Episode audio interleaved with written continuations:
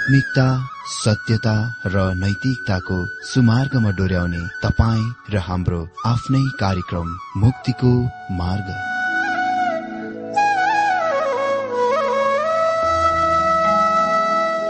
आदरणीय श्रोता यस मुक्तिको मार्ग कार्यक्रममा हार्दिक स्वागत छ। आशा छ यस आत्मिक कार्यक्रमद्वारा जीवनमा आत्मिक आशिष अलौकिक शान्ति र आनन्द प्राप्त गर्नुहुनेछ। र जीवनमा धन्य अनुभव गर्नुहुनेछ। आउनुहोस् श्रोता। मन र आत्माको तयारीको लागि यो मिठो अनि मधुर भजन गीत सुनौ।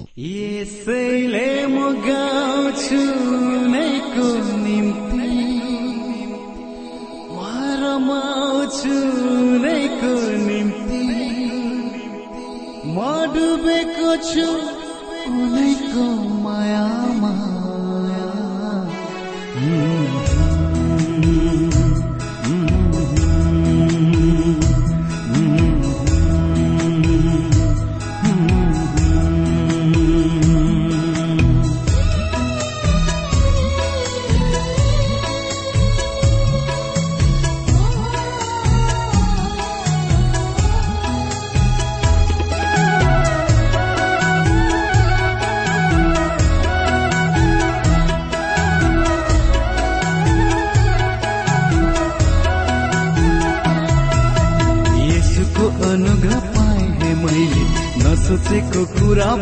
हे अहिले खुसी नै खुसी हुने ओ, यसैले म गाउँछु नैको निम्ति म रमाउँछु नैको निम्ति म डुबेको छु उनैको मायामा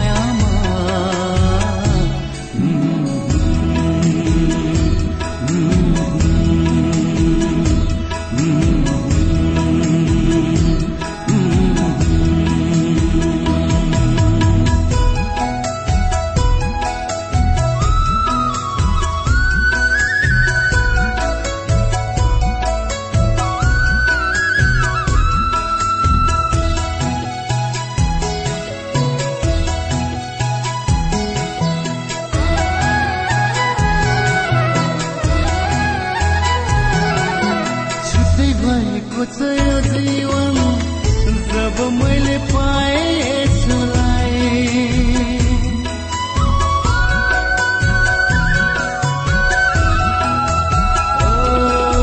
छुट्टै भएको छ यो जीवन जब मैले पाएँ यसुलाई बदलियो कथा मेरो सधैँ सधैँलाई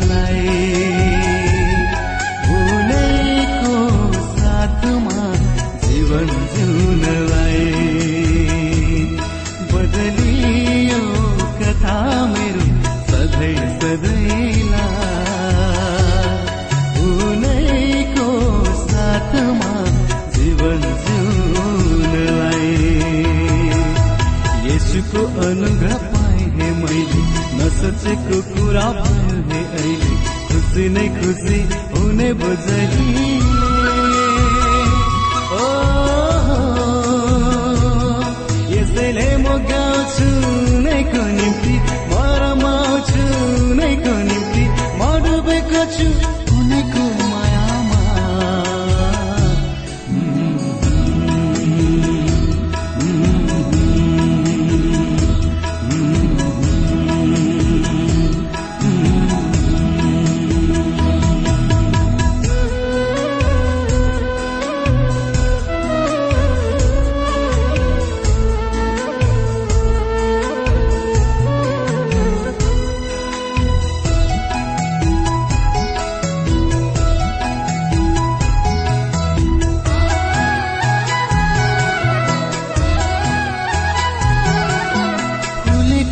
यो जीवन यसुमा तू बस्न छर्नलाई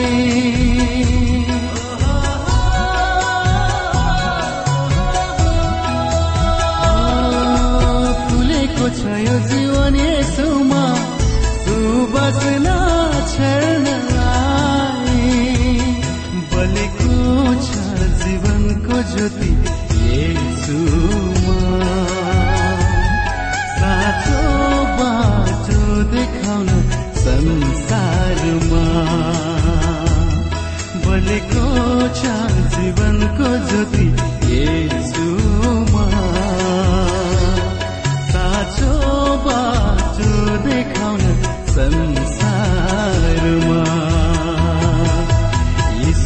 अनुग्रह पाए हे मैले।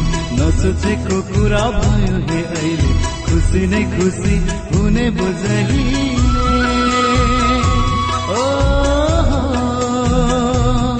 यसैले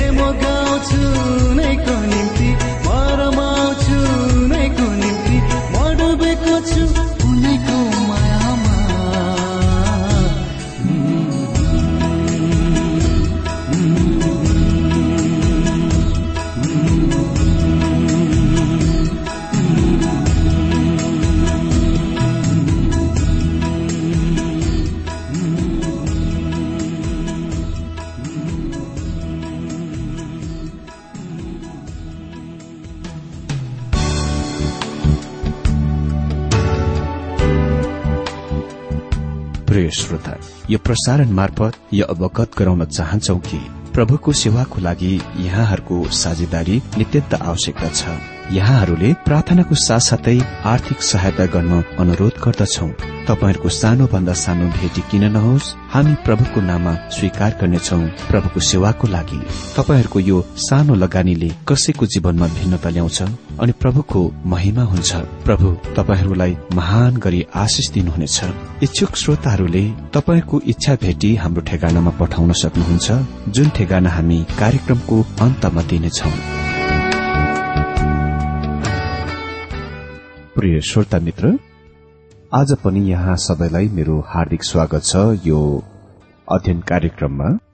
आज हामी बाइबल अध्ययन सपन्या तीन अध्यय नौदेखि बीस पदबाट अध्ययन गर्न गइरहेका छौं। अनि हाम्रो आजको विषय हो सम्पूर्ण दण्डहरू हटाइयो राज्य स्थापित गरियो। अहिले हामी अन्धकारदेखि दिनतिर आइरहेका छौं ज्योतितिर आइरहेका छौं र हामी ती आशिषहरूको देख्नेछौ जुन सञ्चय गरिराखिएका छन्। साना पुस्तक सपन्याको सम्बन्धमा आधी तुफान खतम भएको छ। यो पुस्तक अन्धकारसँग र दण्डसँग आरम्भ हुन्छ। यो अध्यायको पहिलो भाग जुन यरुसलेमको सहरको दण्डसँग आरम्भ हुन्छ जुनको बारेमा पढ्न लगभग अति नै डरलाग्दो कुरा छ। यो अति नै डरलाग्दो भयंकर छ जब तपाईँ यहाँ महाक्लेश अवधिको तस्विरतिर आउनुहुन्छ। जब परमेश्वरले सारा राष्ट्रलाई दण्ड दिनुहुनेछ जब तिनीहरूलाई त्यस आखिरी अन्तिम दिनमा जकरिया चौध अध्ययको एकदेखि तीन पद अनुसार यरुसलेमको विरूद्ध जम्मा गरी ल्याइन्दछ सपन्याको पुस्तकमा हामीले दुई प्रकारका वचनहरूको देख्यौं। त्यहाँ परमेश्वरको आफ्नै जनहरूमाथि परमेश्वरको दण्ड छ जुन सधैँ ताडना हुन्छ। हेब्रू बाह्रको छ पदले भन्छ जसले प्रभु प्रेम गर्नुहुन्छ उसलाई ताडना दिनुहुन्छ। अर्को शब्दमा उहाँले तालिम र अनुशासन दिनुहुन्छ। त्यसपछि परमेश्वरले अविश्वासी संसारलाई पनि दण्ड दिनै पर्छ।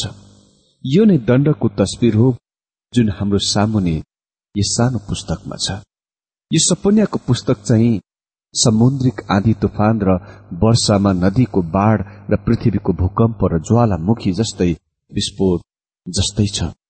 यी सबै कुरालाई एउटैमा बेहेरिएको छ। जब तपाईँ यस पुस्तक पढ्नुहुँदा तपाईँ सोच्नुहुँदो परमेश्वरले आफ्ना जनलाई घृणा गर्नुहुन्छ र उहाँले मानव जातिलाई घृणा गर्नुहुन्छ।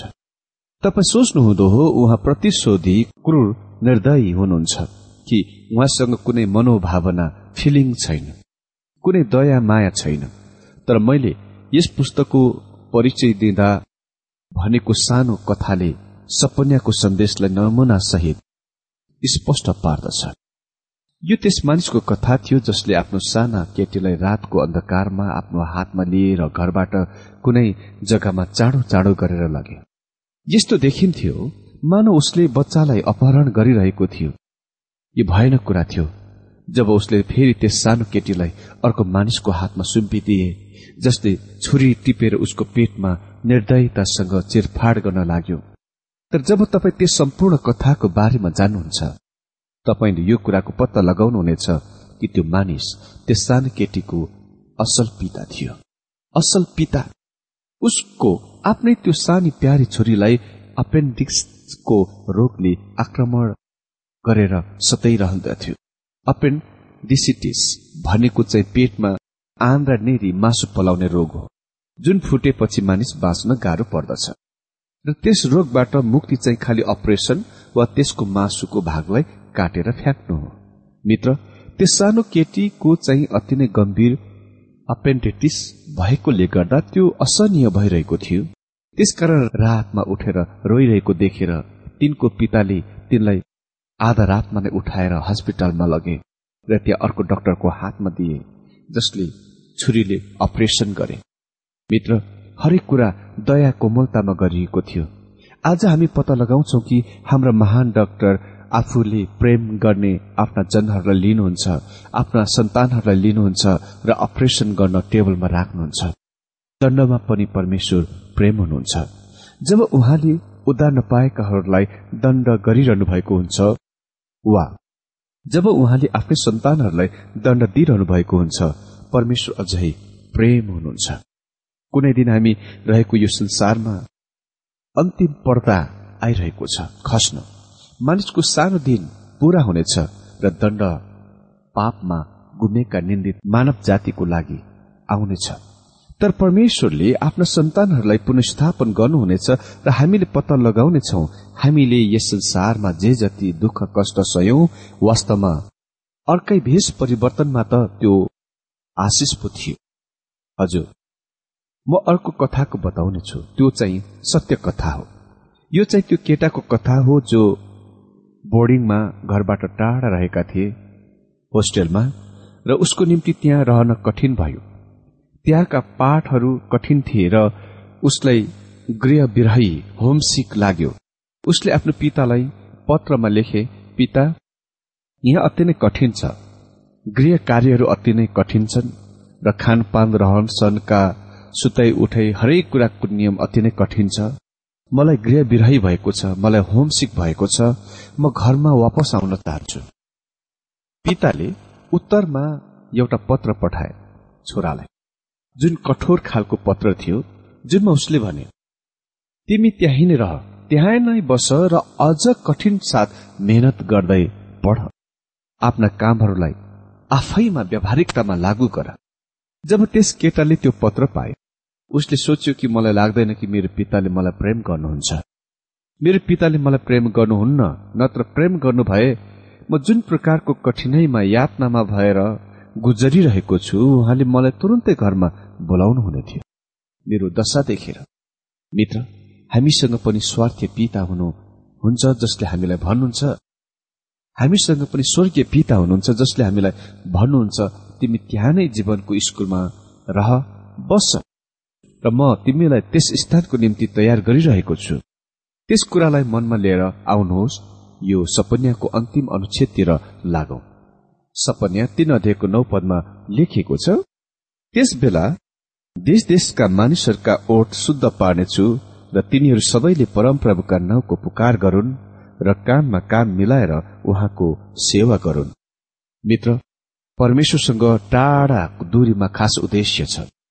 हामी यसको पूरा यस खण्डभरि पत्ता लगाउनेछौ किनभने अहिले हामी ज्योतिमा छौं। हामी कति पनि दण्डको अन्धकारमा छैनौं। हामी कति पनि परमेश्वरको परमप्रभुको दिनमा छैनौं जुन रातमा आरम्भ हुन्छ। सूर्य अहिले उदय भएको छ। र ज्योति पूरा मानव जातिमाथि चम्केको छ। भनिएको छ त्यसबेला देश देशका मानिसहरूका औठ शुद्ध पार्नेछु। यहाँ यस कथनको मतलब चाहिँ फोहोर मैला लागेको ओठ वा मुख होइन। जुनको शुद्ध गर्न आवश्यक छ धुन आवश्यक छ तर यसको मतलब कति पनि ईश्वर निन्दा सुनिने छैन भनेको हो। त्यो कुनै छाडा शरमका कुवचनहरू हुने छैन। भाषा अति नै धेरै सभ्य शुद्ध निर्मल हुनेछ। मित्र आज तपाईँ धेरै मानिसहरूको मुखबाट त्यस्तो भाषा त्यस्तो वचन सुन्नुहुन्छ? जुनको बोल्नलाई त के सुन्नलाई पनि लाज मर्दछ। जब तिनीहरूले बोल्न लाग्छन् त्यहाँबाट तुरुन्तै हटी जाँदा नै उक्तम हुनेछ। मित्र स्वर्गीयमा अति नै शुद्ध भाषा हुनेछ। स्वर्गीय विचारमा बोली वचनमा र व्यावहारिकतामा शुद्ध हुनेछ। तर परमेश्वरले कुनै दिन सबै मानिसहरूका ओठलाई शुद्ध गर्न गइरहनु भएको छ। र तिनीहरू सबैले परमप्रभुको नाउँको पुकार गरून् र काममा काम मिलाएर उहाँको सेवा गरून्। त्यस दिनमा परमेश्वरको विरूद्ध कुनै विद्रोह हुने छैन। स्वर्गीय वास्तवमा रहनलाई अति नै सुन्दर स्थान हुन गइरहेको छ। वास्तवमा भन्नु पर्दा त्यो महिमित स्थान हुन गइरहेको छ र तपाईँ त्यहाँ आसपासमा निर्मल वचनका असल छरछिमेकीहरू पाउन गइरहनु भएको छ।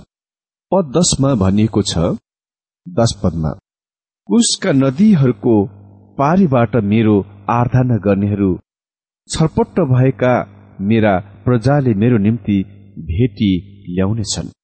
यो शास्त्रको पदको विभिन्न तरिकामा अनुवाद गरिएका छन् र यसको लागि केही अर्थ खुलाइहरूको पनि पेश गर्न चाहन्छु।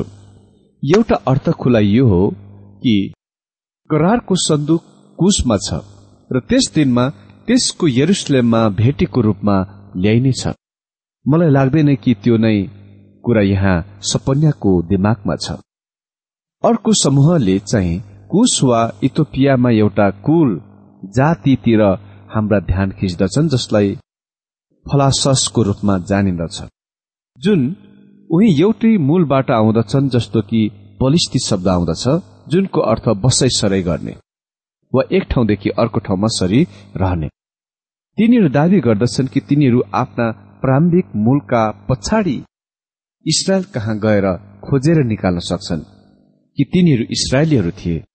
यो तर्क गरिन्दछ कि तिनीहरू नै यहाँ उल्लेखित छरपट्ट हुनेहरू हुन् अनि धेरैले विचार गर्दछन् कि यो पदले संसारका राष्ट्रहरूबाट साँचो मन परिवर्तन साथ प्रभुमा विश्वासमा आउनेहरूको संकेत गर्दछ जसले जताततै छरपट्ट छरिएर रहेका यहुदीहरूलाई तिनीहरूका मुलुकमा परमप्रभुको निम्ति भेटीको रूपमा ल्याउनेछ तर मेरो विचार चाहिँ यो हो कि कुश हजार वर्षीय राज्य युगमा प्रवेश गर्नेछ त्यो नै हाम्रो निम्ति देख्नलाई महत्वपूर्ण कुरा हो। तिनीहरूले ल्याउने भेटी वा बलि ख्रिस स्वयंको बलिदान हो अर्को शब्दमा तिनीहरू उहाँको उद्धारको ग्रहण गर्दै आउनेछन्। एघार पद। त्यस दिन म प्रति गरेका तेरा सबै दुष्टैको कारण तलाई शर्म पर्ने छैन किनभने आफ्ना घमण्डमा खुसी हुनेहरूलाई यस सहरको बीचबाट म निकाल्नेछु। मेरो पवित्र डाँडामा त फेरि कहिले अहंकारी हुने छैनस्। मित्र परमेश्वर यहाँ आफ्नै सन्तान आफ्नै जनहरूसँग कुरा गरिरहनु भएको छ। हामीले देखिसकेका छौँ कि परमेश्वरले तिनीहरूलाई दिइरहनु भएको एक कारण चाहिँ यो थियो कि तिनीहरूका गन्ध फोहोर क्रियाहरू निज भ्रष्ट अनैतिकतामा कुनै लासरम थिएन। परमेश्वरले तिनीहरूलाई दिइरहनु भएको दण्डको एक कारण चाहिँ यही थियो। तिनीहरू ती कुराहरूमा कति पनि लज्जित थिएनन्। तर मेरो मित्र परमेश्वरका सन्तानहरू कहिले पनि त्यस स्थानमा पुग्ने छैनन् जहाँ तिनीहरू पापहरूसँग सन्तुष्ट हुन सक्छन्। यदि तपाईँ पापमा रहनुहुन्छ र खुसी हुनुहुन्छ भने तपाईँ एउटा कुरामा निश्चय हुन सक्नुहुन्छ कि तपाईँ परमेश्वरको सन्तान हुनुहुन्न।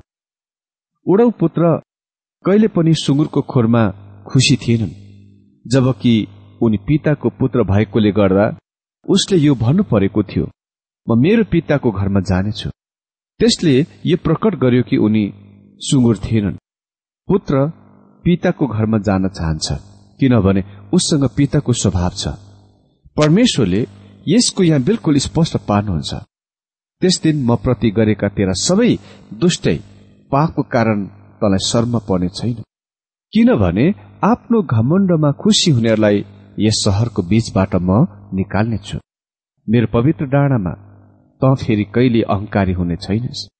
यसले त्यो दिनको बारेमा बताउँछ जब नम्रहरूले पृथ्वीको अधिकार गर्नेछन्। मित्र बाह्र पदमा लेखिएको छ तर तेरो बीचमा म दिन र नम्रहरूलाई छोडिराख्नेछु जसले परमप्रभुको नाउँमा भरोसा गर्छन्। जब बेबिलोनले यहुदालाई कैदमा लग्यो त्यसले तीन पटक अलिअलि गरेर त्यहाँका मानिसहरूलाई कैदमा बन्दुवामा लग्यो। तर तिनीहरूले सबै मानिसहरूलाई लगेनन्। गरिब दिन दरिद्र लुला लङ्गडा र बिरामीहरूलाई बेबिलोनमा कहिले पनि लगेनन्। तपाईँ कल्पना गर्न सक्नुहुन्छ कि त्यस बेला तिनीहरूले कस्तो महसुस गर्यो होला? बाबेलको कैदी वा बन्दुवामा दास बन्न जान अति नै भयानक कुरा थियो। तर वास्तवमा यहुदामा नै त्यहाँ नै छोडिन झन खराब र दयनीय कुरा थियो। परमेश्वर भन्नुहुन्छ म दिन र नम्रहरूलाई ख्याल र वास्ता गर्न संकल्पना गर्दछु। तपाईँले पूरा शास्त्रभरि यो कुरा देख्नुहुन्छ। प्रभुले प्राय गरेर त्यस तथ्यको उल्लेख गर्नुहुन्छ कि उहाँ कुनै दिन गरीब र दिनहरूलाई सही उचित न्याय र इन्साफ र उचित व्यवहार दिलाउनुहुनेछ। आज पूरा संसारमा गरीब र दिनहरूको लागि सहायक कोही छ भने खालि प्रभु येशु हुनुहुन्छ। यदि तपाईँ दिन र नम्र गरीब हुनुहुन्छ भने सहायताको र शरणको निम्ति जाने व्यक्ति नै उहाँ हुनुहुन्छ। उहाँले तपाईँलाई सम्हाल्नुहुन्छ र उहाँले मात्र तपाईँलाई सहायता गर्न सक्नुहुन्छ। अनि तेह्र पदमा लेखिएको छ इसरायलका बाँकी रहेकाहरूले कुनै गल्ती गर्ने छैनन् तिनीहरूले झुट बोल्ने छैनन् र तिनीहरूका मुखमा छल पाइने छैन। तिनीहरू खानेछन् र पल्टेर बस्नेछन् र कसैले तिनीहरूलाई भयभीत तुल्याउने छैन इसरायलका बाँकी रहेकाहरूले कुनै गल्ती गर्ने छैनन्। परमेश्वरसँग सधैँ आफ्ना बाँकी रहेकाहरू छन्। र हजार वर्षीय राज्यमा त्यहाँ अति नै ठूलो संख्यामा बाँकी रहेका प्रभुका भक्तजनहरू हुनेछन्। तिनीहरू झुट बोल्ने छैनन् न तिनीहरूका मुखमा छल नै पाइनेछ। मित्र त्यो दिन आइरहेको छ जब तिनीहरूले यी कुराहरू गर्ने छैनन्। यसले यो कुराको संकेत गर्दछ कि तिनीहरूले एक समयमा यस्ता कामहरू गर्थेछन्। मित्र परमेश्वरका सन्तानहरू पनि कहिलेकाहीँ पापमा पर्न सक्छ तर सधैँको निम्ति त्यसमा रहन परिरहन सक्दैनन्। तिनीहरू निरन्तर पापमा रहिरहन सक्दैनन्। तिनीहरूका खुट्टाहरूमा गन्ध फोहोरहरू लाग्न सक्छ। तिनीहरू सुँगुरको खोरमा पनि पर्न सक्छन् तर तिनीहरू कति पनि सधैँ खोरमा रहने छैनन्। भनिएको छ तिनीहरू खानेछन् र पल्टेर बस्नेछन् र कसैले तिनीहरूलाई भयभीत तुल्याउने छैन। यो सबैले त्यो दिनको संकेत गर्दछ जब परमेश्वरले आफ्ना जनहरूलाई आफ्नो मुलुकमा राख्नुहुनेछ र त्यो मुलुक दिनुहुनेछ। अहिलेसम्म यो भविष्यवाणी पूरा भएको छैन किनभने तिनीहरू सधैँ डर र भयमा रहिरहेका छन्। इसरायलले कहिले पनि शान्ति आनन्द र आरामको महसुस गरेको छैन जबदेखि तिनीहरू त्यस मुलुकमा छन्। र तिनीहरू हर समय भयमा र डरमा रहिरहेका छन्। अहिले हामी त्यो दिनको वर्णनतिर आउँदछौ जब राजाले पृथ्वीमा आफ्नो राज्यको स्थापन गर्न गइरहनु भएको छ। चौध र पन्ध्र। हे सियोनको छोरी गा। हे इसरायल चर्को स्वरले गरा। हे यरुसलेमको छोरी खुसी हो। र सम्पूर्ण हृदयले रमाट गर। तेरा दण्ड परमप्रभुले हटाइदिनु भएको छ। उहाँले तेरा शत्रुहरूलाई फिर्ता पठाइदिनु भएको छ। परमप्रभु इसरायलका राजा तसित हुनुहुन्छ। अब उपरान्त तैले कुनै खराबीको डर मान्नुपर्ने छैन। मित्र यहाँ पन्ध्र पदमा लेखिएको छ कि तेरो दण्ड परमप्रभुको परमप्रभुले हटाइदिनु भएको छ। उहाँले तेरो शत्रुहरूलाई फिर्ता पठाइदिनु भएको छ। परमप्रभु इसरायलका राजा हर्षित हुनुहुन्छ। अब उपरान्त तैले कुनै खराबीको डर मान्नु पर्दैन। मित्र प्रभु येसु पृथ्वीमा आउनुहुनेछ र दुष्टता र खराबीको खतम गरिनेछ। यसैया एघारको नौ पदले भन्छ समुद्र पानीले भरिए चाहिँ पृथ्वी परमप्रभुको ज्ञानले भरिपूर्ण हुनेछ। अनि सोह्र पदमा लेखिएको छ त्यस दिन यरुसलेमलाई तिनीहरूले यसो भन्नेछन् त नररा हे सियोन तेरा हात ढिला हुन नपाउन्। त्यस दिन यरुसलेमलाई तिनीहरूले यसो भन्नेछन् त नडरा हे सियोन आज यरुसलेमसँग डराउनु पर्ने कारण छ। तर त्यस दिनमा त्यसले कुनै कुरादेखि डराउनु पर्दैन। भनिएको छ हे सियोन तेरा हात ढिला हुन नपाउन्। अर्को शब्दमा परमप्रभुको लागि व्यस्त हो। अनि पद सत्र अद्भुत पद हो लेखिएको छ। सत्र पद परमप्रभु तेरा परमेश्वर तसित हुनुहुन्छ उहाँ बचाउनलाई सामर्थ्य हुनुहुन्छ उहाँ तसित अत्यन्तै आनन्दित हुनुहुन्छ। उहाँले आफ्नो प्रेममा तलाई शान्त पार्नुहुनेछ। गीत गाएर उहाँ तेरो बारेमा रमाउनुहुनेछ। मेरो मित्र परमेश्वरसँग उद्देश्य छ। उहाँले हामीलाई रातको अन्धकार रूपी दण्डमा भएर पठाउनुहुन्छ ताकि नयाँ दिनको ज्योतिमा हामीलाई ल्याउन सकियोस्।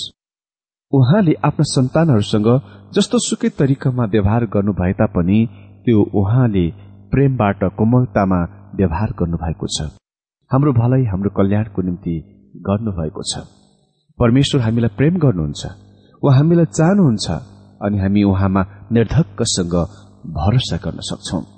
अठारदेखि बीस पदमा लेखिएको छ नियुक्त गरिएका चाडहरूको शोक म तबाट हटाइदिनेछु।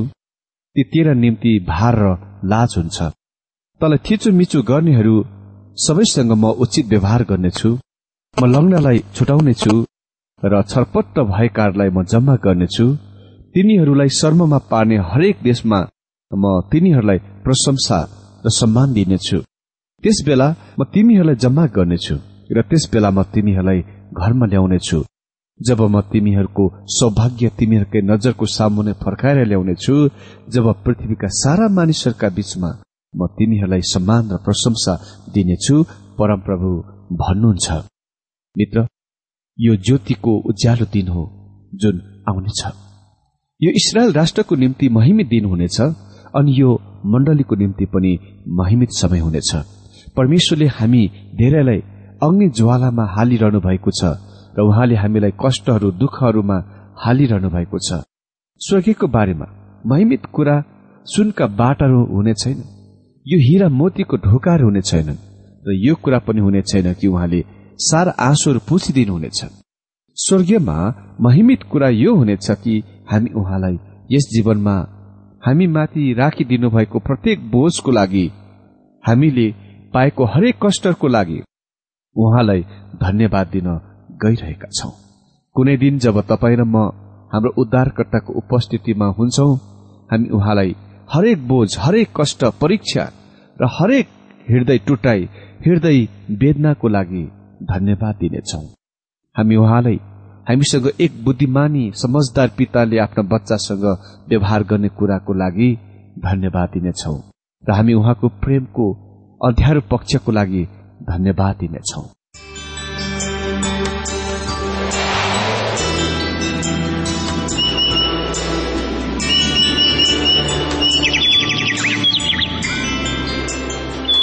प्रिय श्रोता अहिले भर्खरै तपाईँले टीडब्ल्यूआर नेपालद्वारा सञ्चालित आत्मिक कार्यक्रम मुक्तिको मार्ग सुनिरहनु भएको थियो। श्रोता आजको यो कार्यक्रम सुनेर तपाईँलाई कस्तो लाग्यो? यदि यो कार्यक्रम सुनेर मनमा कुनै खुल्दुली वा कुनै प्रतिक्रिया अर्थात सुझावहरू छन् भने हामीलाई पत्रद्वारा लेख्न सक्नुहुनेछ। हामी हृदयदेखि नै स्वागत गर्नेछौ स्वीकार गर्नेछौ साथै बाइबल सम्बन्धित प्रचारहरू कार्यक्रम सारणीहरू हामी अनुरोधमा पठाउन सक्छौ। अनि तपाईँसँग कुनै प्रार्थनाको विषय छन् भने हामीले तपाईँको लागि प्रार्थना गरेको चाहनुहुन्छ। भने प्रभुमा आफ्नै परिवार सम्झेर हामीलाई पत्रमा लेख्न सक्नुहुनेछ। तपाईँको लागि हामी प्रभु येशुसँग प्रार्थना गर्नेछौ। अधिक जानकारी र पत्रचारको लागि हाम्रो ठेगाना यस प्रकार छ। कार्यक्रम मुक्तिको मार्ग जीपीओ नम्बर उनानब्बे पचहत्तर एपीसी पच्चिस एकसठी काठमाडौँ। ठेगाना एकपल्ट सुन्नुहोला। कार्यक्रम मुक्तिको मार्ग जीपीओ नम्बर उनानब्बे पचहत्तर एपीसी पच्चिस एकसठी काठमाडौँ। हाम्रो इमेल एड्रेस हो T W R Nepal at Yahoo dot com. साथै यस नम्बरमा एसएमएस गर्न सक्नुहुनेछ?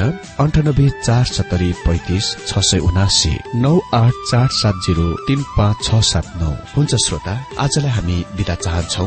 अर्को कार्यक्रममा हामी पुनः भेट्नेछौ। तबसम्मलाई नमस्कार।